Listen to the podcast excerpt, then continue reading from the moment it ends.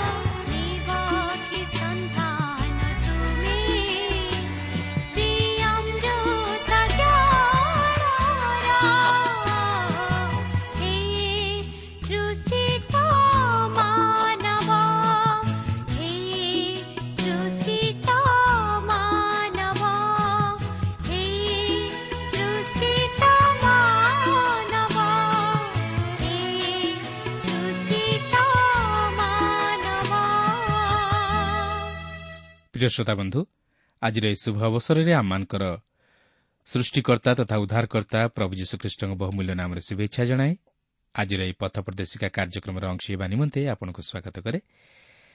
ଆପଣ ଆପଣଙ୍କର ବହୁମୂଲ୍ୟ ସମୟ ଦେଇ ରେଡିଓ ପାଖରେ ଏହି କାର୍ଯ୍ୟକ୍ରମ ଶୁଣିବା ନିମନ୍ତେ ଅପେକ୍ଷା କରି ବସିଥିବାରେ ଜାଣି ଆମେ ବିଶେଷ ଖୁସି।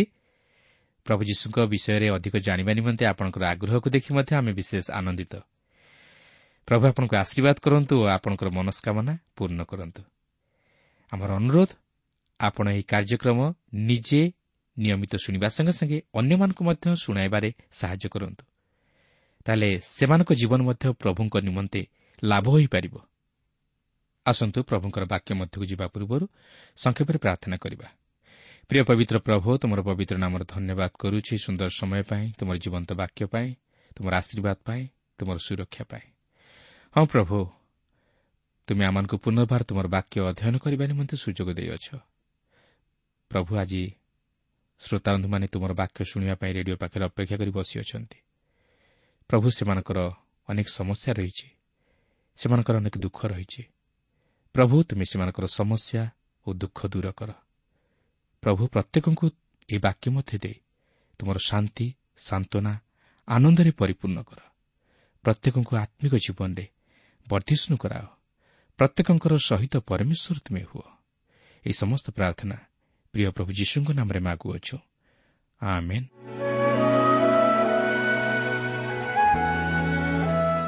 ଆସନ୍ତୁ ବର୍ତ୍ତମାନ ଆମେ ପ୍ରଭୁଙ୍କର ବାକ୍ୟ ମଧ୍ୟକୁ ଯିବା। ଆଜି ଆମେ ରୋମିଓ ତିନି ପର୍ବର ଏକୋଇଶ ପଦରୁ ଆରମ୍ଭ କରି ଏକତିରିଶ ପଦ ପର୍ଯ୍ୟନ୍ତ ଅଧ୍ୟୟନ କରିବା ନିମନ୍ତେ ଯିବା। ମୋର ଅନୁରୋଧ ଆପଣ ଆପଣଙ୍କ ପାଖରେ ପବିତ୍ର ବାଇବଲ କିମ୍ବା ନୂତନ ନିୟମ ରଖନ୍ତୁ। ଓ ମୋ ସହିତ ଅଧ୍ୟୟନ କରନ୍ତୁ। ଆଜି ଆମେ ପବିତ୍ର ବାଇବଲ ମଧ୍ୟରୁ ସେହି ରୋମିଓ ପୁସ୍ତକ ତହିଁର ତିନି ପର୍ବର ଏକୋଇଶ ପଦରୁ ଏକତିରିଶ ପଦ ପର୍ଯ୍ୟନ୍ତ ଅଧ୍ୟୟନ କରିବା ନିମନ୍ତେ ଯିବା।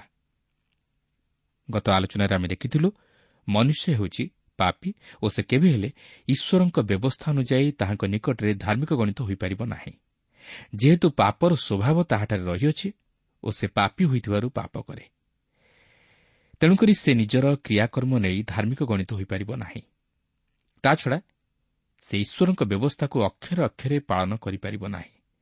କିନ୍ତୁ ଯଦି କେହି ସେହିପରି ବ୍ୟବସ୍ଥା ଅନୁଯାୟୀ ଈଶ୍ୱରଙ୍କ ନିକଟରେ ଧାର୍ମିକ ଗଣିତ ହେବାକୁ ଚାହେଁ ତାହେଲେ ସେ କେବଳ ଈଶ୍ୱରଙ୍କ ଦ୍ୱାରା ବିଚାରିତ ହେବା ନିମନ୍ତେ ତାହା କରେ। କାରଣ ସେହି ବ୍ୟବସ୍ଥା ତାହାକୁ ପାପରୁ ଉଦ୍ଧାର କରିପାରେ ନାହିଁ ମାତ୍ର ପାପର ଜ୍ଞାନ ଜନ୍ମାଏ। ତେଣୁ ମନୁଷ୍ୟ ସ୍ୱଭାବତଃ ପାପୀ ହୋଇଥିବାରୁ ସେ ବ୍ୟବସ୍ଥା ଦ୍ୱାରା ହିଁ ବିଚାରିତ ହୁଏ।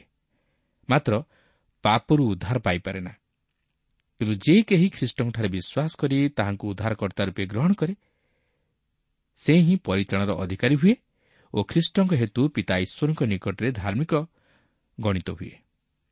ଆମେ ତାହା ହିଁ ବର୍ତ୍ତମାନ ଲକ୍ଷ୍ୟ କରିବାକୁ ଯିବା। କାରଣ ଏହି ତିନି ପର୍ବର କୋଡ଼ିଏ ପଦରୁ ଏକୋଇଶ ପଦ ମଧ୍ୟରେ ପାଉଲ ଈଶ୍ୱରଙ୍କର ସେହି ଚମତ୍କାର ପରିତାଣ ସମ୍ବନ୍ଧରେ ପ୍ରକାଶ କରିବା ପାଇଁ ଯାଉଅଛନ୍ତି। ପାଉଲ ଏଠାରେ ବିଶ୍ୱାସ ଦ୍ୱାରା ଧାର୍ମିକତା ପ୍ରାପ୍ତ ହେବା ବିଷୟ ନେଇ ପ୍ରକାଶ କରନ୍ତି। ବ୍ୟବସ୍ଥା ଯାହା ସାଧନ କରିପାରିଲା ନାହିଁ ଖ୍ରୀଷ୍ଟଙ୍କଠାରେ ବିଶ୍ୱାସ ତାହା ସାଧନ କରିପାରିଲା। ତାହା ହିଁ ଆମେ ଏହି ତିନି ପର୍ବର ଅବଶିଷ୍ଟାଂଶ ମଧ୍ୟରେ ଲକ୍ଷ୍ୟ କରିବାକୁ ପାରିବା। ତାହା ହେଉଛି ବିଶ୍ୱାସ ଦ୍ୱାରା ଧାର୍ମିକ ଗଣିତ ହେବା। ଏହି ଧାର୍ମିକତା କେବଳ ଈଶ୍ୱର ହିଁ ପ୍ରଦାନ କରନ୍ତି କିନ୍ତୁ ମନୁଷ୍ୟର କ୍ରିୟାକର୍ମରୁ ନୁହେଁ। ଦେଖନ୍ତୁ ତିନି ପର୍ବର ଏକୋଇଶ ପଦରେ ଏହିପରି ଲେଖା ଅଛି। କିନ୍ତୁ ଏବେ ବ୍ୟବସ୍ଥା ବ୍ୟତୀତ ଈଶ୍ୱରଙ୍କର ଧାର୍ମିକତା ପ୍ରକାଶିତ ହୋଇଅଛି ଆଉ ତାହା ବିଷୟରେ ବ୍ୟବସ୍ଥା ଓ ଭାଓବାଦୀମାନଙ୍କ ଧର୍ମଶାସ୍ତ୍ର ସାକ୍ଷ୍ୟ ଦେଉଅଛି। ଏଠାରେ ଈଶ୍ୱରଙ୍କର ଧାର୍ମିକତା ବିଷୟ ନେଇ ପାଉଲ ପ୍ରକାଶ କରନ୍ତି ଯାହାକି ବ୍ୟବସ୍ଥା ବ୍ୟତୀତ ମାନବ ଜାତି ପ୍ରତି ପ୍ରକାଶିତ ହୋଇଅଛି। କିନ୍ତୁ ପ୍ରଶ୍ନ ଉଠେ ଏହି ଧାର୍ମିକତା କ'ଣ ଈଶ୍ୱରଙ୍କର ଧାର୍ମିକତା? ନୁହେଁ। କାରଣ ଈଶ୍ୱର ତାହାଙ୍କର ଗୌରବ କାହାକୁ ଦିଅନ୍ତି ନାହିଁ। ତାହେଲେ ଏହା କ'ଣ ମନୁଷ୍ୟର ଧାର୍ମିକତା? ତାହା ମଧ୍ୟ ନୁହେଁ। କାରଣ ଜିସାଏ ପୁସ୍ତକ ଚଉଷଠି ପର୍ବର ଛଅ ପଦରେ ଲେଖା ଅଛି ଆମ୍ଭମାନଙ୍କର ଧାର୍ମିକତା ଈଶ୍ୱରଙ୍କ ନିକଟରେ ସଢ଼ା କୁଟାର ସମାନ। ତାହେଲେ ଏହି ଧାର୍ମିକତା କ'ଣ? ଏହା ଈଶ୍ୱରଙ୍କର ନିଜ ଧାର୍ମିକତା ନୁହେଁ ମାତ୍ର ସେ ସେହି ଧାର୍ମିକତା ପ୍ରଦାନ କରନ୍ତି ଯେଉଁ ଧାର୍ମିକତା ସେ ମନୁଷ୍ୟଠାରୁ ଆଶା କରନ୍ତି ଓ ତାହା ଈଶ୍ୱର ଦତ୍ତ ଧାର୍ମିକତା। ଏହା ମନୁଷ୍ୟର ନୁହେଁ ମାତ୍ର ଈଶ୍ୱର ପ୍ରଦାନ କରନ୍ତି। ଆଉ ତାହା ସେ ପ୍ରଭୁ ଯୀଶୁଖ୍ରୀଷ୍ଟଙ୍କ ମଧ୍ୟ ଦେଇ ସମସ୍ତ ମାନବ ଜାତି ପ୍ରତି ପ୍ରଦାନ କରିଅଛନ୍ତି। ସେଥିପାଇଁ ପ୍ରଥମ କରନ୍ଥୀୟ ପ୍ରଥମ ପର୍ବର ତିରିଶ ପଦରେ ଲେଖା ଅଛି କିନ୍ତୁ ତାହାଙ୍କ ହେତୁ ତୁମେମାନେ ଖ୍ରୀଷ୍ଟ ଯୀଶୁଙ୍କଠାରେ ଅଛ। ସେ ଈଶ୍ୱରଙ୍କଠାରୁ ଆମମାନଙ୍କ ନିମନ୍ତେ ଜ୍ଞାନ ଅର୍ଥାତ୍ ଧାର୍ମିକତା ପବିତ୍ରତା ଓ ମୁକ୍ତି ସ୍ୱରୂପ ହୋଇଅଛନ୍ତି। ଏଥିସହିତ ମଧ୍ୟ ଦେଖନ୍ତୁ ଦ୍ୱିତୀୟ କରନ୍ଥୀୟ ପାଞ୍ଚ ପର୍ବରେ ଏକୋଇଶ ପଦରେ ଲେଖା ଅଛି ଯାହାଙ୍କଠାରେ ପାପର ଲେଶ ମାତ୍ର ନଥିଲା ତାହାଙ୍କୁ ସେ ଆମ୍ଭମାନଙ୍କ ନିମନ୍ତେ ପାପ ସ୍ୱରୂପ କଲେ। ଯେପରି ଆମ୍ଭେମାନେ ତାହାଙ୍କ ଦ୍ୱାରା ଈଶ୍ୱରଙ୍କର ଧାର୍ମିକତା ସ୍ୱରୂପ ହେଉ। ତେଣୁ ଈଶ୍ୱର ଯେ ଧାର୍ମିକତା ପ୍ରଦାନ କରନ୍ତି ତାହା ଜାଣିବା ଅତି ଗୁରୁତ୍ୱପୂର୍ଣ୍ଣ ବିଷୟ। କାରଣ ଆପଣ ବା ମୁଁ ଆମେ ନିଜର ଧାର୍ମିକତା ବଳରେ ତାହା ସାଧନ କରିପାରିବା ନାହିଁ। ମାତ୍ର ଈଶ୍ୱର କେବଳ ତାହା ଆମ୍ଭମାନଙ୍କୁ ପ୍ରଦାନ କରନ୍ତି। ଅର୍ଥାତ୍ ଆମ୍ଭେମାନେ କେବଳ ତାହାଙ୍କଠାରୁ ସେହି ଧାର୍ମିକତା ପ୍ରାପ୍ତ ହୋଇପାରିବା। କିନ୍ତୁ ଆମେ ନିଜ କ୍ରିୟାକର୍ମ ଦ୍ୱାରା ଈଶ୍ୱରଙ୍କର ଗ୍ରାହ୍ୟ ଧାର୍ମିକତା ସାଧନ କରିପାରିବା ନାହିଁ। ତେବେ ଏହି ଧାର୍ମିକତା ବ୍ୟବସ୍ଥା ବ୍ୟତୀତ ଅର୍ଥାତ୍ ବ୍ୟବସ୍ଥାକୁ ଛାଡ଼ି ତା ଅର୍ଥ ଆମେ ଏପରିକି ବ୍ୟବସ୍ଥା ଅନୁଯାୟୀ ସମସ୍ତ ବିଧିବିଧାନକୁ ପାଳନ କରି ତାହା ପ୍ରାପ୍ତ ହୋଇପାରିବା ନାହିଁ। ଏହାର କାରଣ ହେଉଛି ଆପଣ ବ୍ୟବସ୍ଥାକୁ ଅକ୍ଷର ଅକ୍ଷରେ ପାଳନ କରିପାରିବେ ନାହିଁ କି ବ୍ୟବସ୍ଥାକୁ ପାଳନ କରି ଆପଣ ପାପରୁ ଉଦ୍ଧାର ପାଇପାରିବେ ନାହିଁ। ଈଶ୍ୱର କେବେ ହେଲେ ଅପବିତ୍ର ବିଷୟକୁ ଗ୍ରହଣ କରିପାରିବେ ନାହିଁ। କି ଆପଣ ଓ ମୁଁ ଆମେ ପବିତ୍ରତା ଅର୍ପଣ କରିପାରିବା ନାହିଁ। ତେଣୁ ବ୍ୟବସ୍ଥା ଅନୁଯାୟୀ ଆମେ ଈଶ୍ୱରଙ୍କର ଗ୍ରାହ୍ୟ ଧାର୍ମିକତା ସାଧନ କରିପାରିବା ନାହିଁ କି ଈଶ୍ୱର ମଧ୍ୟ ଆମମାନଙ୍କୁ ବ୍ୟବସ୍ଥା ଅନୁଯାୟୀ ଉଦ୍ଧାର କରିପାରିବେ ନାହିଁ। ପାଉଲ ଏଠାରେ କହନ୍ତି ଆଉ ତାହା ବିଷୟରେ ବ୍ୟବସ୍ଥା ଓ ମାଓବାଦୀମାନଙ୍କ ଧର୍ମଶାସ୍ତ୍ର ସାକ୍ଷ୍ୟ ଦେଉଅଛି। ଆଉ ତାହା ବିଷୟରେ ଅର୍ଥାତ୍ କାହା ବିଷୟରେ? ଏହି ଧାର୍ମିକତା ବିଷୟରେ ବ୍ୟବସ୍ଥା ସାକ୍ଷ୍ୟ ଦେଉଅଛି। ଆପଣ ଜାଣିଥିବେ? ମୂଷାଙ୍କ ବ୍ୟବସ୍ଥାର କେନ୍ଦ୍ରବିନ୍ଦୁରେ ଥିଲା ସେହି ସମାଗମ ତମ୍ବୁ ଯେଉଁଠାରେ କି ରକ୍ତିକୃତ ବଳିଦାନ ଉତ୍ସର୍ଗ କରାଯାଉଥିଲା। ଆଉ ସେହି ବଳିଦାନ ପ୍ରଭୁ ଯୀଶୁଖ୍ରୀଷ୍ଟଙ୍କୁ ଉପସ୍ଥାପିତ କରୁଥିଲା। ମଧ୍ୟ ମାଓବାଦୀମାନେ ସେହି ଧାର୍ମିକତାର ସାକ୍ଷ୍ୟ ବହନ କରନ୍ତି ଯେତେବେଳେ ସେମାନେ ଖ୍ରୀଷ୍ଟଙ୍କ ଆଗମନ ତାହାଙ୍କର ମୃତ୍ୟୁ ଓ ପୁନରୁତ୍ଥାନ ନେଇ ଭାଓବାଣୀ ପ୍ରକାଶ କଲେ। ଉଦାହରଣ ସ୍ୱରୂପ ଜିସାୟ ତେପନ ପର୍ବର ଛଅ ପଦରୁ ଦଶ ପଦରେ ଦେଖନ୍ତୁ ଲେଖା ଅଛି ଆମ୍ଭେମାନେ ସମସ୍ତେ ମେଷଗଣ ତୁଲ୍ୟ ବିପଥଗାମୀ ହୋଇଅଛୁ। ଆମ୍ଭେମାନେ ପ୍ରତ୍ୟେକ ଆପଣା ଆପଣା ବାଟ ଆଡ଼େ ଫେରିଅଛୁ। ଆଉ ସଦାପ୍ରଭୁ ଆମ୍ଭ ସମସ୍ତଙ୍କର ଅପରାଧ ତାହାଙ୍କ ଉପରେ ବର୍ତ୍ତାଇ ଅଛନ୍ତି। ତଥାପି ତାହାଙ୍କୁ ଚୂର୍ଣ୍ଣ କରିବାକୁ ସଦାପ୍ରଭୁଙ୍କର ଅଭିମତ ହେଲା। ସେ ତାହାଙ୍କୁ ଦୁଃଖଗ୍ରସ୍ତ କରିଅଛନ୍ତି।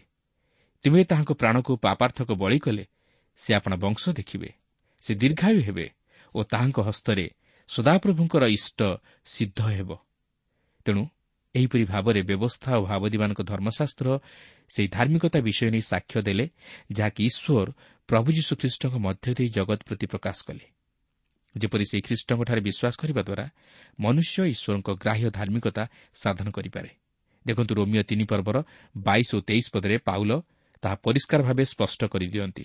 ଦେଖନ୍ତୁ ଏଠାରେ ଲେଖା ଅଛି ଅର୍ଥାତ୍ ଈଶ୍ୱରଙ୍କର ଯେଉଁ ଧାର୍ମିକତା ଯୀଶୁଖ୍ରୀଷ୍ଟଙ୍କଠାରେ ବିଶ୍ୱାସ କରିବା ଦ୍ୱାରା ସମସ୍ତ ବିଶ୍ୱାସୀଙ୍କ ପ୍ରତି ବର୍ତ୍ତେ କାରଣ କୌଣସି ପ୍ରଭେଦ ନାହିଁ। ସମସ୍ତେ ତ ପାପ କରିଅଛନ୍ତି ପୁଣି ଈଶ୍ୱରଙ୍କ ଗୌରବ ରହିତ ହୋଇଅଛନ୍ତି।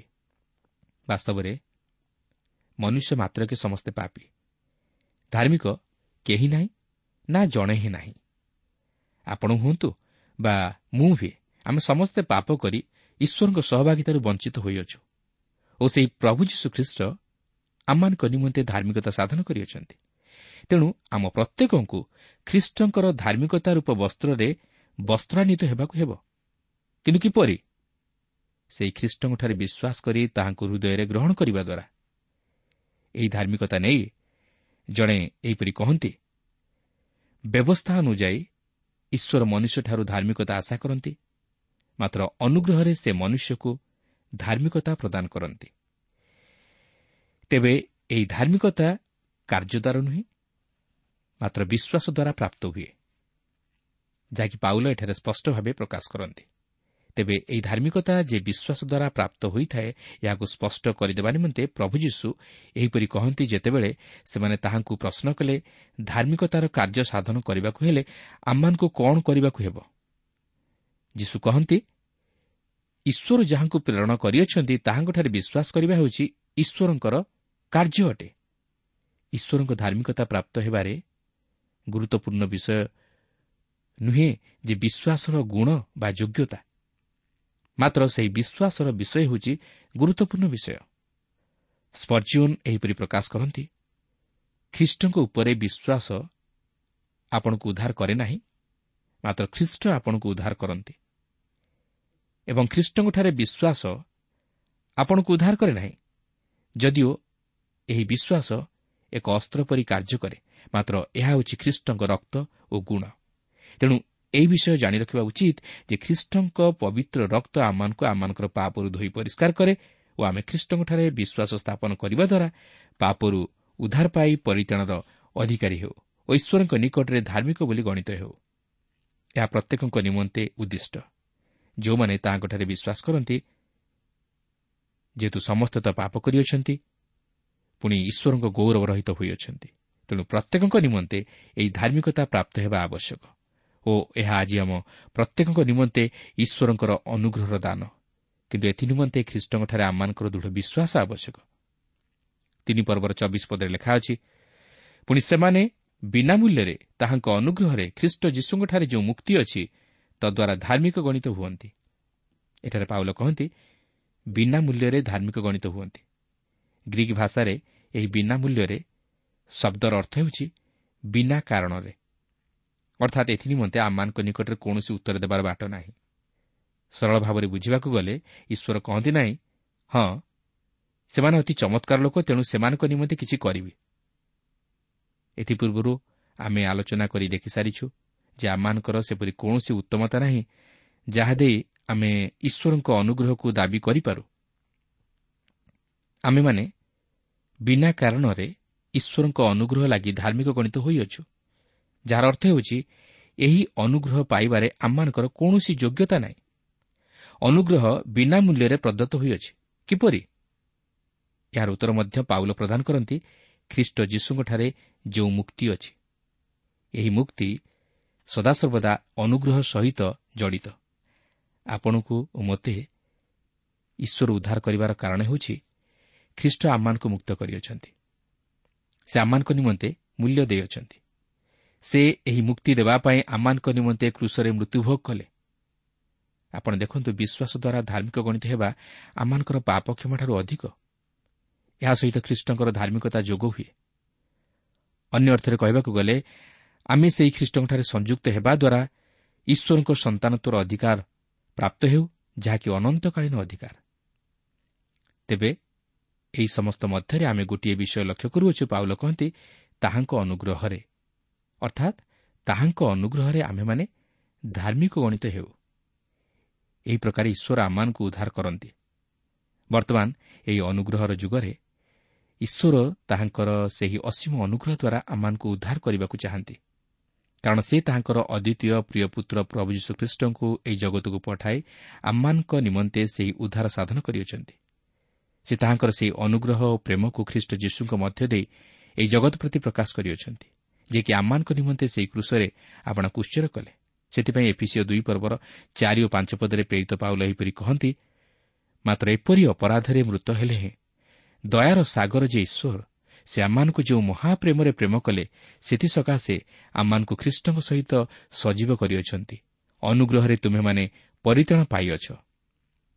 ବାସ୍ତବରେ ଆମମାନଙ୍କର ଈଶ୍ୱର କେତେ ମହାନ ଯେ କି ଆମମାନଙ୍କୁ ଅନୁଗ୍ରହରେ ଉଦ୍ଧାର କରନ୍ତି ସେ ଖ୍ରୀଷ୍ଟଙ୍କଠାରେ ବିଶ୍ୱାସ କରିବା ଦ୍ୱାରା। ତିନି ପର୍ବର ପଚିଶ ଓ ଛବିଶ ପଦରେ ଲେଖା ଅଛି ଈଶ୍ୱର ଆପଣା ସହିଷ୍ଣୁତାରେ ପୂର୍ବକୃତ ପାପ ସବୁ ଉପେକ୍ଷା କରିଥିବାରୁ ନିଜ ଧାର୍ମିକତା ପ୍ରକାଶ କରିବା ନିମନ୍ତେ ତାହାଙ୍କୁ ତାହାଙ୍କ ରକ୍ତରେ ବିଶ୍ୱାସ ଦ୍ୱାରା ପ୍ରାୟଶ୍ଚିତ ବଳି ରୂପେ ପ୍ରଦର୍ଶନ କରିଅଛନ୍ତି। ପୁଣି ବର୍ତ୍ତମାନ କାଳରେ ଆପଣ ଧାର୍ମିକତା ପ୍ରକାଶ କରିବା ନିମନ୍ତେ ସେ ଏହା କରିଅଛନ୍ତି। ଯେପରି ସେ ସ୍ୱୟଂ ଧାର୍ମିକ ଓ ଯୀଶୁଙ୍କଠାରେ ବିଶ୍ୱାସୀକୁ ଧାର୍ମିକ ଗଣନାକାରୀ ବୋଲି ପ୍ରକାଶିତ ହୁଅନ୍ତି। ଆପଣ ଦେଖନ୍ତୁ ପାଉଲ କହନ୍ତି ତାହାଙ୍କ ରକ୍ତରେ ବିଶ୍ୱାସ ଦ୍ୱାରା ଆମେମାନେ ଈଶ୍ୱରଙ୍କ ନିକଟରେ ଧାର୍ମିକ ଗଣିତ ହେଉ। ସେହି ରକ୍ତ ପ୍ରଭୁ ଶ୍ରୀକୃଷ୍ଣଙ୍କର ଜୀବନକୁ ପ୍ରକାଶ କରେ। ଏଭ୍ରି ନଅ ପର୍ବର ବାଇଶ ପଦରେ ଲେଖା ଅଛି ରକ୍ତପାତ ବିନା ପାପମୋଚନ ହୁଏ ନାହିଁ। ତେଣୁକରି ପ୍ରଭୁ ଯୀଶୁଖ୍ରୀଷ୍ଟ ଆପଣାର ଜୀବନ ଦେଲେ। ଆଉ ସେହି ରକ୍ତ ଅତି ବହୁମୂଲ୍ୟ ଓ ପବିତ୍ର ରକ୍ତ। ଈଶ୍ୱର ହେଉଛନ୍ତି ଏକମାତ୍ର ପରିତାଣ ସାଧନକାରୀ ଯିଏକି ପ୍ରଭୁ ଶ୍ରୀଖ୍ରୀଷ୍ଟଙ୍କ ମାଧ୍ୟମରେ ସମଗ୍ର ମାନବ ଜାତି ପ୍ରତି ପ୍ରଦାନ କରିଅଛନ୍ତି। ସେହି କେବଳ ଆଜି ଆମମାନଙ୍କୁ ଉଦ୍ଧାର କରିପାରନ୍ତି। କିନ୍ତୁ ଆପଣ ବା ମୁଁ ଆମେ ନିଜ ଧର୍ମକର୍ମ ନେଇ ତାହା ପ୍ରାପ୍ତ ହୋଇପାରିବା ନାହିଁ। କି ଈଶ୍ୱରଙ୍କର ଗ୍ରାହ୍ୟ ଧାର୍ମିକତା ସାଧନ କରିପାରିବା ନାହିଁ।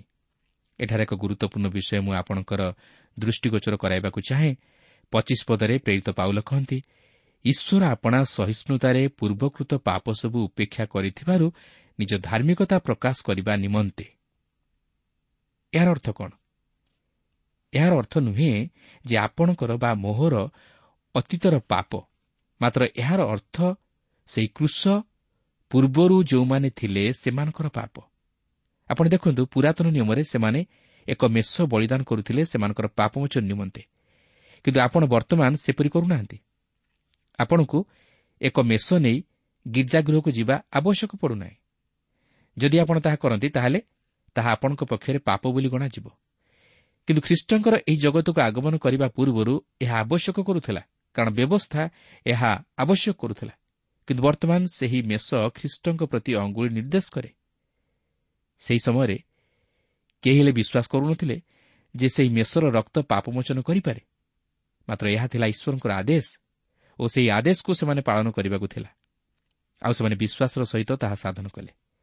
କାରଣ ଏଭ୍ରି ଏଗାର ପର୍ବର ଚାରିପଦରେ ଲେଖା ଅଛି ବିଶ୍ୱାସ ଦ୍ୱାରା ହେବଲ ଈଶ୍ୱରଙ୍କ ଛାମୁରେ କଇନ ଅପେକ୍ଷା ଉତ୍କୃଷ୍ଟ ବଳି ଉଚ୍ଚର କଲେ ଓ ତଦ୍ୱାରା ସେ ଧାର୍ମିକ ବୋଲି ସାକ୍ଷ୍ୟ ପାଇଲେ। ଏହାର ଅର୍ଥ ନୁହେଁ ଯେ ସେ ସେହି ବଳିରେ ବିଶ୍ୱାସ କଲେ ମାତ୍ର ସେ ଈଶ୍ୱରଙ୍କ ପୂର୍ବ ନିରୂପିତ ଯୋଜନା ଉପରେ ବିଶ୍ୱାସ କଲେ ଯାହାକି ଖ୍ରୀଷ୍ଟଙ୍କର ସେହି କୃଷ୍ୟ ବଳିଦାନ ପ୍ରତି ଅଙ୍ଗୁଳି ନିର୍ଦ୍ଦେଶ କରୁଥିଲା। ଓ ହେବଲଙ୍କର ସେହି ବଳିଦାନ ତହିଁର ପ୍ରତୀକ ସ୍ୱରୂପ ଥିଲା। କିନ୍ତୁ ହେବଲ ତାହା ବିଶ୍ୱାସର ସହିତ ସାଧନ କଲେ। ତେଣୁ ଏଥିରୁ ଜଣାଯାଏ ଯେ ସେହି ଅତୀତର ପାପ ଯାହାକି ଖ୍ରୀଷ୍ଟଙ୍କର ମୃତ୍ୟୁ ପର୍ଯ୍ୟନ୍ତ ଘଟିଥିଲା ତାହା ଈଶ୍ୱର ଧାର ସ୍ୱରୂପେ ଉଦ୍ଧାର କରିଥିଲେ। କାରଣ ଈଶ୍ୱର ଅବ୍ରାହମ୍କୁ ତାହାଙ୍କର ବଳିଦାନ ଉତ୍ସର କରିବା ନେଇ ଉଦ୍ଧାର କରିନଥିଲେ। ଏପରିକି ସେମାନଙ୍କ ମଧ୍ୟରୁ କାହାକୁ ସେପରି ଉଦ୍ଧାର କରିନଥିଲେ। ମାତ୍ର ସେହି ବଳିଦାନ ଖ୍ରୀଷ୍ଟଙ୍କୁ ଉପସ୍ଥାପିତ କରୁଥିଲା।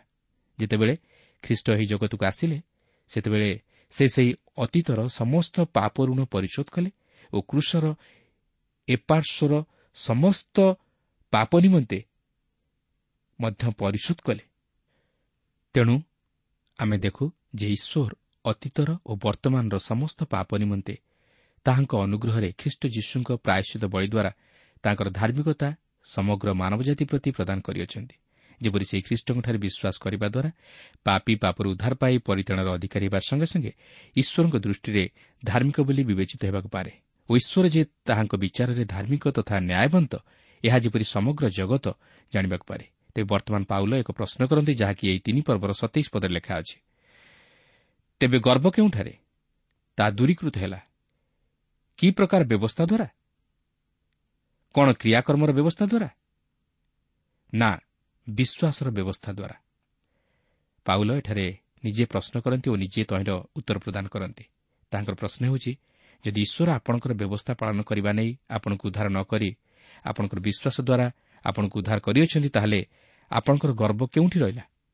ବ୍ୟବସ୍ଥାକୁ ନେଇ ଗର୍ବ କରିବାର କିଛି ମୂଲ୍ୟ ନାହିଁ। ଯେହେତୁ ଈଶ୍ୱର ବ୍ୟବସ୍ଥା ଦ୍ୱାରା ଆପଣଙ୍କୁ ଉଦ୍ଧାର କରନ୍ତି ନାହିଁ ମାତ୍ର ଅନୁଗ୍ରହ ଦ୍ୱାରା ଆପଣଙ୍କୁ ଉଦ୍ଧାର କରନ୍ତି ଆଉ ତାହା ଖ୍ରୀଷ୍ଟ ଯୀଶୁଙ୍କଠାରେ ବିଶ୍ୱାସ କରିବା ଦ୍ୱାରା ଯେ କି ନିଜେ ସେହି ବ୍ୟବସ୍ଥା ସ୍ୱରୂପ ହୋଇ ବ୍ୟବସ୍ଥା ଅନୁଯାୟୀ ସମସ୍ତ ଧର୍ମକର୍ମ ସାଧନ କଲେ ଅନ୍ୟ ଅର୍ଥରେ କହିବାକୁ ଗଲେ ପାଉଲ କହିବାକୁ ଚାହାନ୍ତି ଆମେ ନିଜର କ୍ରିୟାକର୍ମ ଉପରେ ବା ଧର୍ମକର୍ମ ଉପରେ ବିଶ୍ୱାସ କରିବା ଉଚିତ ନୁହେଁ ମାତ୍ର ଈଶ୍ୱର ଆମମାନଙ୍କ ନିମନ୍ତେ ଯାହା ସାଧନ କରିଅଛନ୍ତି ତହିଁ ଉପରେ ବିଶ୍ୱାସ କରିବା ଉଚିତ ଯଦ୍ୱାରା ଆମେ ନିଜର ଧର୍ମକର୍ମ ନେଇ ଗର୍ବ କରିପାରିବା ନାହିଁ ବରଂ ଈଶ୍ୱରଙ୍କ ନିମନ୍ତେ ଗର୍ବ କରିପାରିବା ତିନି ପର୍ବର ଅଠେଇଶ ପଦରେ ଲେଖା ଅଛି ତେବେ ଆମମାନଙ୍କ ମୀମାଂସା ଏହି ମନୁଷ୍ୟ ବ୍ୟବସ୍ଥାର କ୍ରିୟାକର୍ମ ବ୍ୟତୀତ ବିଶ୍ୱାସ ଦ୍ୱାରା ଧାର୍ମିକ ଗଣିତ ହୁଏ। ଏହାର ଅର୍ଥ ନୁହେଁ ଯେ ପାଉଲ ଯାହା କହିଅଛନ୍ତି ତାହାକୁ ସେଠାରେ ଯୁକ୍ତିଯୁକ୍ତ କାରଣ ଦର୍ଶାଇ ଏକ ସମାଧାନରେ ଉପନୀତ କରାଇବାକୁ ଚାହାନ୍ତି। ମାତ୍ର ସେ ଜଣାଇଦେବାକୁ ଚାହାନ୍ତି ଯେ ଆମେ କାହିଁକି ବ୍ୟବସ୍ଥାକୁ ନେଇ ବା ନିଜର ଆତ୍ମଧାର୍ମିକତାକୁ ନେଇ ଗର୍ବ କରିବା ଉଚିତ ନୁହେଁ। ଏହାର କାରଣ ହେଉଛି ମନୁଷ୍ୟ ବିଶ୍ୱାସ ଦ୍ୱାରା ଧାର୍ମିକ ଗଣିତ ହୁଏ ମାତ୍ର କ୍ରିୟା କର୍ମରୁ ନୁହେଁ। ମନୁଷ୍ୟ ବ୍ୟବସ୍ଥା ଉପରେ ନିର୍ଭର କରି ଧାର୍ମିକତା ପ୍ରାପ୍ତ ହେବା ନିମନ୍ତେ ଚେଷ୍ଟା କରିବା ଉଚିତ ନୁହେଁ। ମାତ୍ର ଖ୍ରୀଷ୍ଟଙ୍କଠାରେ ବିଶ୍ୱାସପୂର୍ବକ ତାହାଙ୍କୁ ଗ୍ରହଣ କରି ଧାର୍ମିକତା ପ୍ରାପ୍ତ ହେବା ନିମନ୍ତେ ଚେଷ୍ଟା କରିବା ଉଚିତ। ତେବେ ପାଉଲ କେବଳ ସେତିକିରେ ରହିଯାଆନ୍ତି ନାହିଁ ସେ ମଧ୍ୟ ବ୍ୟବସ୍ଥାର ଉପକାରିତା ଓ ତହିଁର ଗୁରୁତ୍ୱପୂର୍ଣ୍ଣ ଭୂମିକା ଦର୍ଶାଇବାକୁ ଯାଇ ଏହିପରି ପ୍ରକାଶ କରନ୍ତି ଯାହାକି ତିନି ପର୍ବର ଅଣତିରିଶରୁ ଏକତିରିଶ ପଦରେ ଲେଖା ଅଛି। କିମ୍ବା ଈଶ୍ୱର କି କେବଳ ଜିହୁଦୀମାନଙ୍କର ଈଶ୍ୱର? ସେ କି ବିଜାତିମାନଙ୍କର ମଧ୍ୟ ଈଶ୍ୱର ନୁହନ୍ତି? ହଁ ବିଜାତିମାନଙ୍କର ମଧ୍ୟ। କାରଣ ଈଶ୍ୱର ତ ଏକ ଆଉ ସେ ବିଶ୍ୱାସ ହେତୁ ସୁନ୍ନତିକୁ ଓ ବିଶ୍ୱାସ ଦ୍ୱାରା ଅସୁନ୍ନତିକୁ ଧାର୍ମିକ ଗଣିବେ। ତେବେ ଆମ୍ଭେମାନେ କି ବିଶ୍ୱାସ ଦ୍ୱାରା ବ୍ୟବସ୍ଥାକୁ ଲୋପ କରୁଅଛୁ? ତାହା କେବେ ନ ହେଉ ବରଂ ଆମ୍ଭେମାନେ ବ୍ୟବସ୍ଥାକୁ ସଂସ୍ଥାପନ କରୁଅଛୁ। ଈଶ୍ୱର ଯେ ସମଗ୍ର ମାନବ ଜାତିର ଈଶ୍ୱର ଓ ସମସ୍ତଙ୍କ ପାଇଁ ତାହାଙ୍କର ଉଦ୍ଧାରର ଯୋଜନା ଯେ ଏକ ତାହା ପାଉଲ ଏଠାରେ ଅତି ସ୍ପଷ୍ଟ ଭାବେ ପ୍ରକାଶ କରିଦିଅନ୍ତି। ତେବେ ପାଉଲ ବ୍ୟବସ୍ଥାକୁ ମଧ୍ୟ ରଦ୍ଦ କରନ୍ତି ନାହିଁ। ଏଥିପୂର୍ବରୁ ମୁଁ ଆପଣଙ୍କୁ କହିସାରିଛି ଯେ ବ୍ୟବସ୍ଥା ନଥିଲେ ପାପ ନଥାନ୍ତା। ବ୍ୟବସ୍ଥା ପାପକୁ ଦର୍ଶାଇ ଦିଏ ଓ ସେହି ଉଦ୍ଧାରକର୍ତ୍ତାଙ୍କର ନିକଟବର୍ତ୍ତୀ କରାଏ। ମାତ୍ର ବ୍ୟବସ୍ଥା ଆମକୁ ପାପରୁ ଉଦ୍ଧାର କରିପାରେ ନା। ମାତ୍ର ଈଶ୍ୱରଙ୍କର ଅନୁଗ୍ରହ ଆମମାନଙ୍କୁ ପାପରୁ ଉଦ୍ଧାର କରେ ଆଉ ତାହା କେବଳ ଖ୍ରୀଷ୍ଟଙ୍କଠାରେ ବିଶ୍ୱାସ କରିବା ଦ୍ୱାରା। ତେବେ ଏହି ବ୍ୟବସ୍ଥା କେତେଦୂର ଗୁରୁତ୍ୱପୂର୍ଣ୍ଣ ତାହା ଆମେ ପରବର୍ତ୍ତୀ ଅଧ୍ୟାୟରେ ବିଶଦ ଭାବେ ଆଲୋଚନା କରିପାରିବା। କିନ୍ତୁ ଏଠାରେ ମୁଁ କହି ରଖେ ଯେ ଆମେ ବ୍ୟବସ୍ଥାକୁ ମଧ୍ୟ ଉପେକ୍ଷା କରିପାରିବା ନାହିଁ କିନ୍ତୁ ଆମେ ବ୍ୟବସ୍ଥା ଉପରେ ନିର୍ଭର କରିବା ଉଚିତ ନୁହେଁ। ମାତ୍ର ଖ୍ରୀଷ୍ଟଙ୍କ ଉପରେ ନିର୍ଭର କରିବା ଉଚିତ ଯେହେତୁ ଆମେ ବ୍ୟବସ୍ଥାର ଅଧୀନରେ ନାହୁଁ ମାତ୍ର ଖ୍ରୀଷ୍ଟଙ୍କର ଅଧୀନରେ ଅଛୁ। ପ୍ରଭୁ ପ୍ରତ୍ୟେକଙ୍କୁ ସେହି ପ୍ରଭୁ ଶ୍ରୀଖ୍ରୀଷ୍ଟଙ୍କର ବଶୀଭୂତ ହେବା ନିମନ୍ତେ ସାହାଯ୍ୟ କରନ୍ତୁ। ପ୍ରଭୁ ପ୍ରତ୍ୟେକଙ୍କୁ ଆଶୀର୍ବାଦ କରନ୍ତୁ।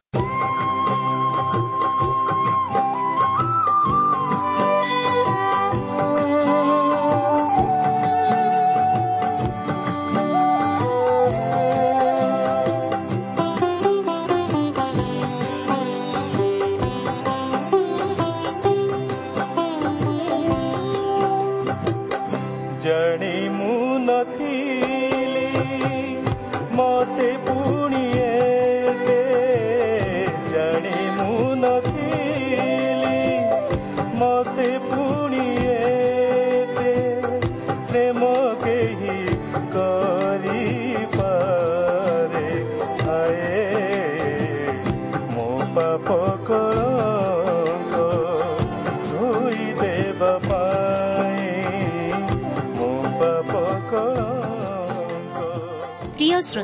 ଏହି କାର୍ଯ୍ୟକ୍ରମ ଶୁଣିଥିବାରୁ ଆପଣଙ୍କୁ ଅଶେଷ ଧନ୍ୟବାଦ। ଏହି କାର୍ଯ୍ୟକ୍ରମ ଆପଣଙ୍କୁ କିପରି ଲାଗିଲା ଓ କେଉଁ ବିଷୟଟି ଆପଣଙ୍କ ହୃଦୟକୁ ଅଧିକ ସ୍ପର୍ଶ କରିଛି ତାହା ଲେଖି ଜଣାଇଲେ ଆମେ ବିଶେଷ ଉପକୃତ ହେବୁ। ଯଦି କିଛି ପ୍ରଶ୍ନ ବା ସନ୍ଦେହ ଥାଏ ତାହା ପତ୍ର ମାଧ୍ୟମରେ ଅଥବା ଟେଲିଫୋନ୍ ଯୋଗେ ଆମକୁ ଜଣାନ୍ତୁ। ଆମର ଠିକଣା ପଥ ପ୍ରଦର୍ଶିକା trans world radio India post box number তিন তিন ভুবনেশ্বর সাত পাঁচ এক শূন্য শূন্য এক। Mobile number nine seven double seven double two one four one five. ঠিকনাটি আউথরে শুণন্তু পথ প্রদর্শিকা trans world radio India post box number three three Bhubaneswar seven five one zero zero one. Mobile number